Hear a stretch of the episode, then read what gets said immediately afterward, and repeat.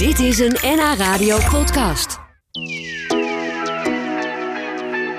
In 2006 werd de jongste dochter van Jacques Beemsterboer uit Horen vermoord door haar ex-vriend. Ter nagedachtenis aan haar richtte Jacques samen met zijn vrouw Wanda en Nadine's zusje Jacqueline de Nadine Foundation op. Door de jaren heen organiseerde ze onder meer de Nadine OK Run om aandacht te vragen voor zinloos geweld. Maar nu, na 15 jaar, is het tijd om te stoppen. Nou, ik sprak daarover met Jacques Beemsterboer, maar eerst wilde ik weten hoe het eigenlijk gaat met hem en zijn gezin. Ja, hoe gaat het verder met ons? Weet je, wij leven natuurlijk dagelijks met het gemis van, van onze jongste dochter, dat is helder. Maar wij hebben wel in de loop van de jaren een uh, manier van leven uh, ontwikkeld waarin we er wel mee kunnen omgaan. Hè? En uh, natuurlijk, je bent drie verschillende mensen. Jacqueline, Wanda en ik, wij zijn drie verschillende mensen en wij gaan er ook verschillend mee om. En dat was al een aandachtspunt op zich. Ja. Want uh, ik heb dan de neiging om zeg maar voor het gevoel wat toch weg te lopen. Hè, zo druk mogelijk bezig te zijn met allerlei dingen dat ik niet hoef te voelen.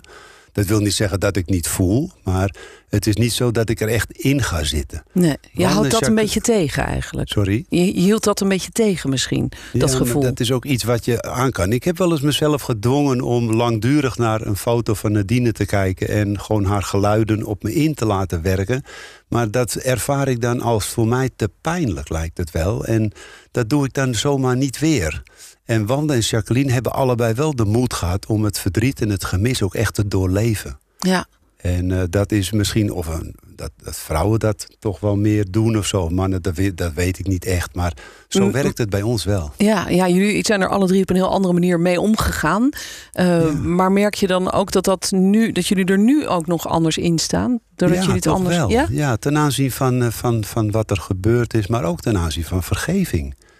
Want eh, Jacqueline heeft eh, de, de moordenaar van haar zusje oprecht vergeven. En dat is eh, eh, een heel proces geweest. Wat zij bewust heeft doorlopen. ja. Zij is nu ook therapeute. Zij helpt ook mensen die nou in moeilijke situaties zitten. Dus zij heeft zich echt goed ontwikkeld. ja. En ik ben die, die weg eh, die zij ingeslagen is niet gegaan. Ik, ik ben er toch wel een beetje omheen gelopen. En zo druk mogelijk bezig, zoals ik dat net ook zeg. ja. Dat is mijn manier van omgaan met uh, dingen die me heel veel pijn doen. Ja, eh, jullie hebben die, die foundation, Nadine Foundation, ook opgezet eigenlijk vrij kort nadat ze was overleden. Klopt. Uh, ze werd uh, vermoord door haar ex-vriend en jullie zijn die stichting begonnen uh, om eigenlijk aandacht te vragen en ook geld in te zamelen. Nou, dat is niet helemaal waar. Wij hebben in ieder geval gemeend dat het vele geweld waarmee Nadine om het leven is gekomen en hoe Nadine ook in het leven zelf stond. Zij was een dierenliefhebber. Zij had ook ooit gezegd als kind: als ik ouder ben, dan wil ik bekend worden, want dan luisteren mensen beter naar je. En dan kan ik meer voor dieren betekenen. Dus één, hoe zij om het leven kwam. En twee, wie Nadine was, heeft ons ertoe gebracht om in ieder geval veel uh, rugbaarheid te geven aan wat er met haar is gebeurd. Dat is de basis. En toen een vriendengroep, uh, haar dansers, hè, want zij was Nederlands kampioen street dance. Die vriendengroep heeft op een moment, drie weken na haar dood, aangeboden om een DVD te maken. Een videoclip, nieuw lied geschreven, nieuwe tekst. Of wij dat wilden. Nou, wij vonden dat prima aansluiten bij onze wens om het zo breed mogelijk uh, rond te bazuinen. Ja. Dus wij hebben gezegd: ga je gang. Nou, dat heeft ertoe geleid dat die DVD in, in enorme aantallen verkocht werd via Free Record Shop. En toen kwam er een geldstroom op gang. En juist die geldstroom die bracht toen ons op het idee om naar de notaris te stappen en te informeren hoe gaan we daarmee om. Want wij wilden dat geld niet voor onszelf gebruiken. Wij wilden dat voor goede doelen besteden. En toen Ja. heeft de notaris ons geadviseerd om een stichting op te richten. En dat was de echte reden van het oprichting van de Nadine Foundation. Ja, en, en wat hebben jullie daar vervolgens mee gedaan? Want je, jullie zijn natuurlijk, uh, jullie hebben onder andere de Nadine OK Run georganiseerd, tien jaar lang, maar nog veel meer.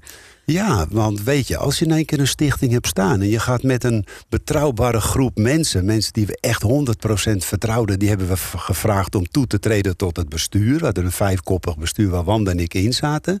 En Jacqueline deed dan speciale projecten. En zo kom je op een gegeven moment tijdens de vergaderingen en andere contacten en ook mensen die zich vrijwillig aansloten tot ja, een soort creatieve uiting van het verdriet. En, en, dat was bijvoorbeeld eerst rokken tegen knokken. Dat was een avond speciaal voor Nadine. Precies op de datum 2 december, een jaar na haar dood. Dat was één. Dat was door Arwin Tamminga was dat opgezet. Dat is weer een DJ uit Horen die dat initieerde. En zo kwam van het een het ander. In 2009 liep ik een rondje. Toen dacht ik, goh, misschien is het mooi om een hardloopevenement in het leven te roepen met haar naam. Ja. En dat is de Nadine OK-run geworden. Ja. En zo zijn er nog vele activiteiten en ook contacten. En was dit voor jou dan ook een manier om, om al dat verdriet wat er in jou zat om te zetten in iets positiefs en ook gewoon vooral lekker bezig te blijven? Ja, ja, ik ben harder gaan werken. Ik werk als uitvaartverzorger in die tijd. En dat ben ik nog meer gaan doen. Maar ik ben vooral ook met de stichting heel enthousiast aan de slag gegaan. En ehm, ja, ik, ik heb wel zoiets van, ik zie vaak kansen in, in dingen. En, en dat ontstaat dan vanzelf. Ook tijdens een rondje hardlopen, dan poppen er allerlei dingen in mijn hoofd op. Van nou, dat kan en dat kan en dat is mogelijk. En, en ook de verkoop van de DVD, daar was ik druk mee bezig. En ja, zo kon ik het verdriet gewoon goed mannen. Dat, Ja. dat was gewoon mijn manier om daarmee om te gaan. En daarmee nam ik, denk ik, ook eh, eh, de rest van de mensen in mee. En zij namen mij ook mee. Dus dat is een wisselwerking geweest tussen die beide partijen. Ja, en hielp het daardoor misschien ook om Nadine dichtbij te houden? Ja, nou dat is absoluut zo. Want ik merk nu ook met het idee dat we nu aan het eind van dit jaar de Nadine Foundation willen gaan stoppen, merk ik dat Wanda vooral eh, daar emotioneel heel dicht, eh, dichtbij eh, staat. Die heeft daar heel veel moeite mee. Ja. Dat merk ik wel. En hoe is dat bij jou dan? Ja, ik. ik, ik, je heb- hebt daar 15 jaar je ziel en zaligheid in gelegd. En, en Ja. nou, als dat dan stopt, dat lijkt me ook wel een moeilijke beslissing. Ja, dat is, daar heb je ook wel gelijk in. Maar ik heb ook alweer geanticipeerd op het moment van opheffing. Want eh, een aantal dingen die ook uit de stichting voort zijn gekomen... dat is het geven van lezingen. Ja, Dus het houden van spreekbeurten... en dan met name in gevangenissen, wat ik sinds 2014 doe. Ik dacht van, nou, dat wil ik wel blijven doen.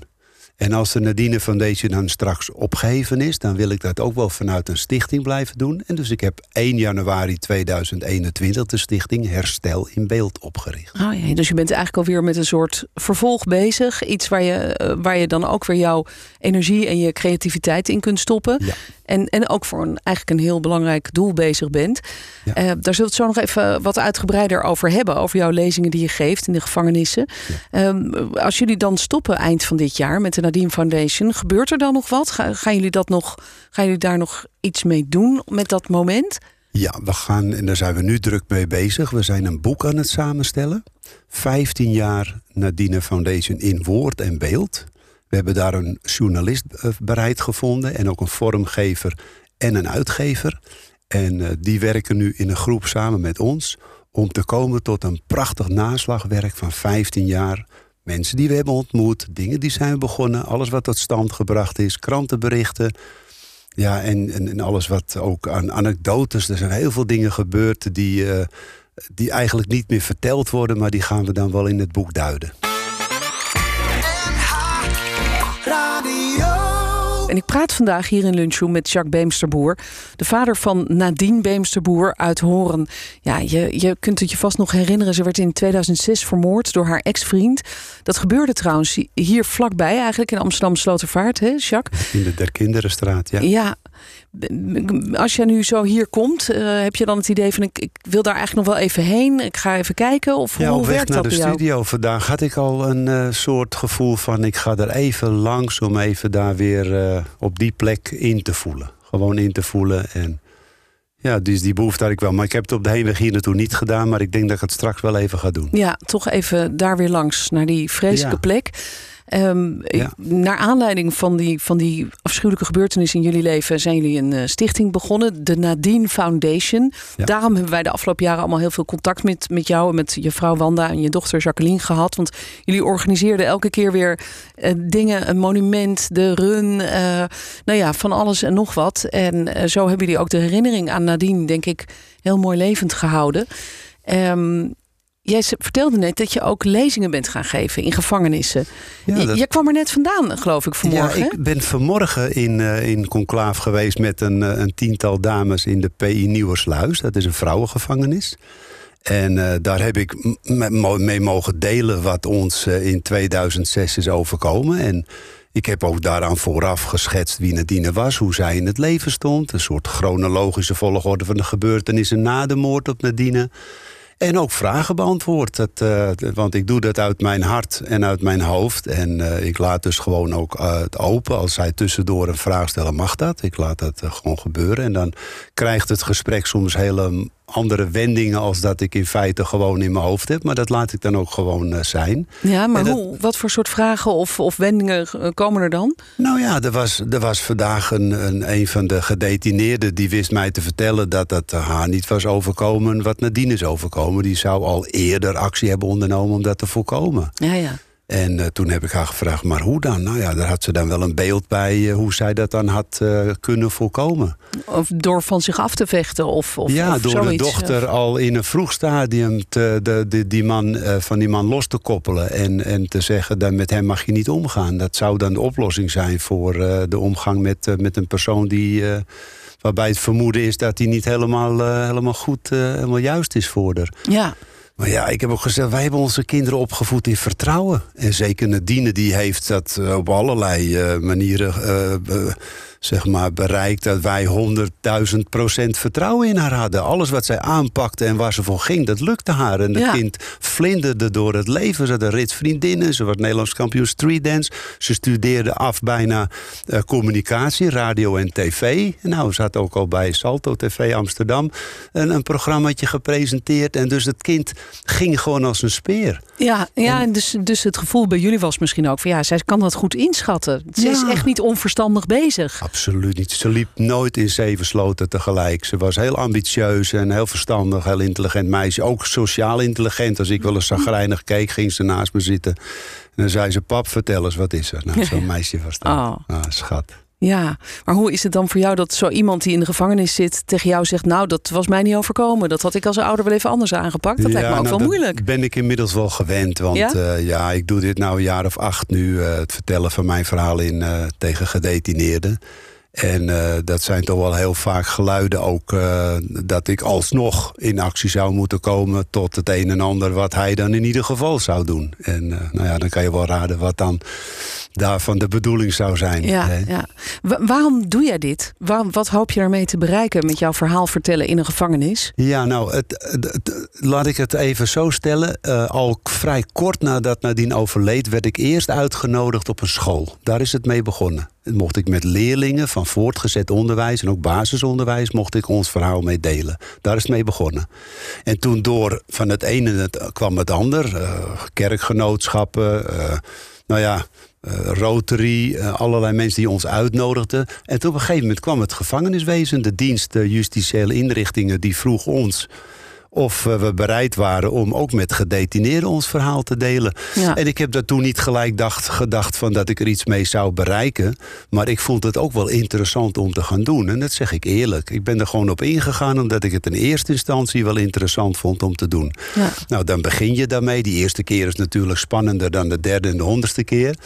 Maar, maar eh, wat me iedere keer weer eh, opvalt, dat is de energie die in me stroomt. Als ik weer een aanvraag krijg voor een, voor een, een lezing in het gevangeniswezen. Ja. En vooral het gesprek met gedetineerden. En ze nodigen me ook uit om met personeel in het kader van herstelgericht werken. Hè, want daar gaat het om. Het is en slachtofferbewustzijn voor gedetineerden. Wat mijn verhaal mogelijk tot effect heeft. Ja. En herstelgericht werken bevorderen voor medewerkers. Dat is de, de reden waarom ze me steeds weer terugvragen om, Ja. eh, om dat te gaan doen. En ik, ik blijf het gewoon voorlopig nog doen. Ik ben nu 66 en ik voel nog steeds de energie om dat te blijven doen.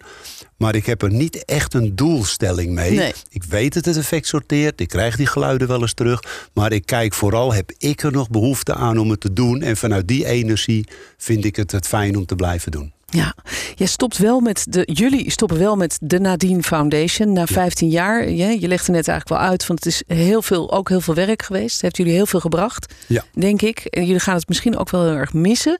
Ja, vast.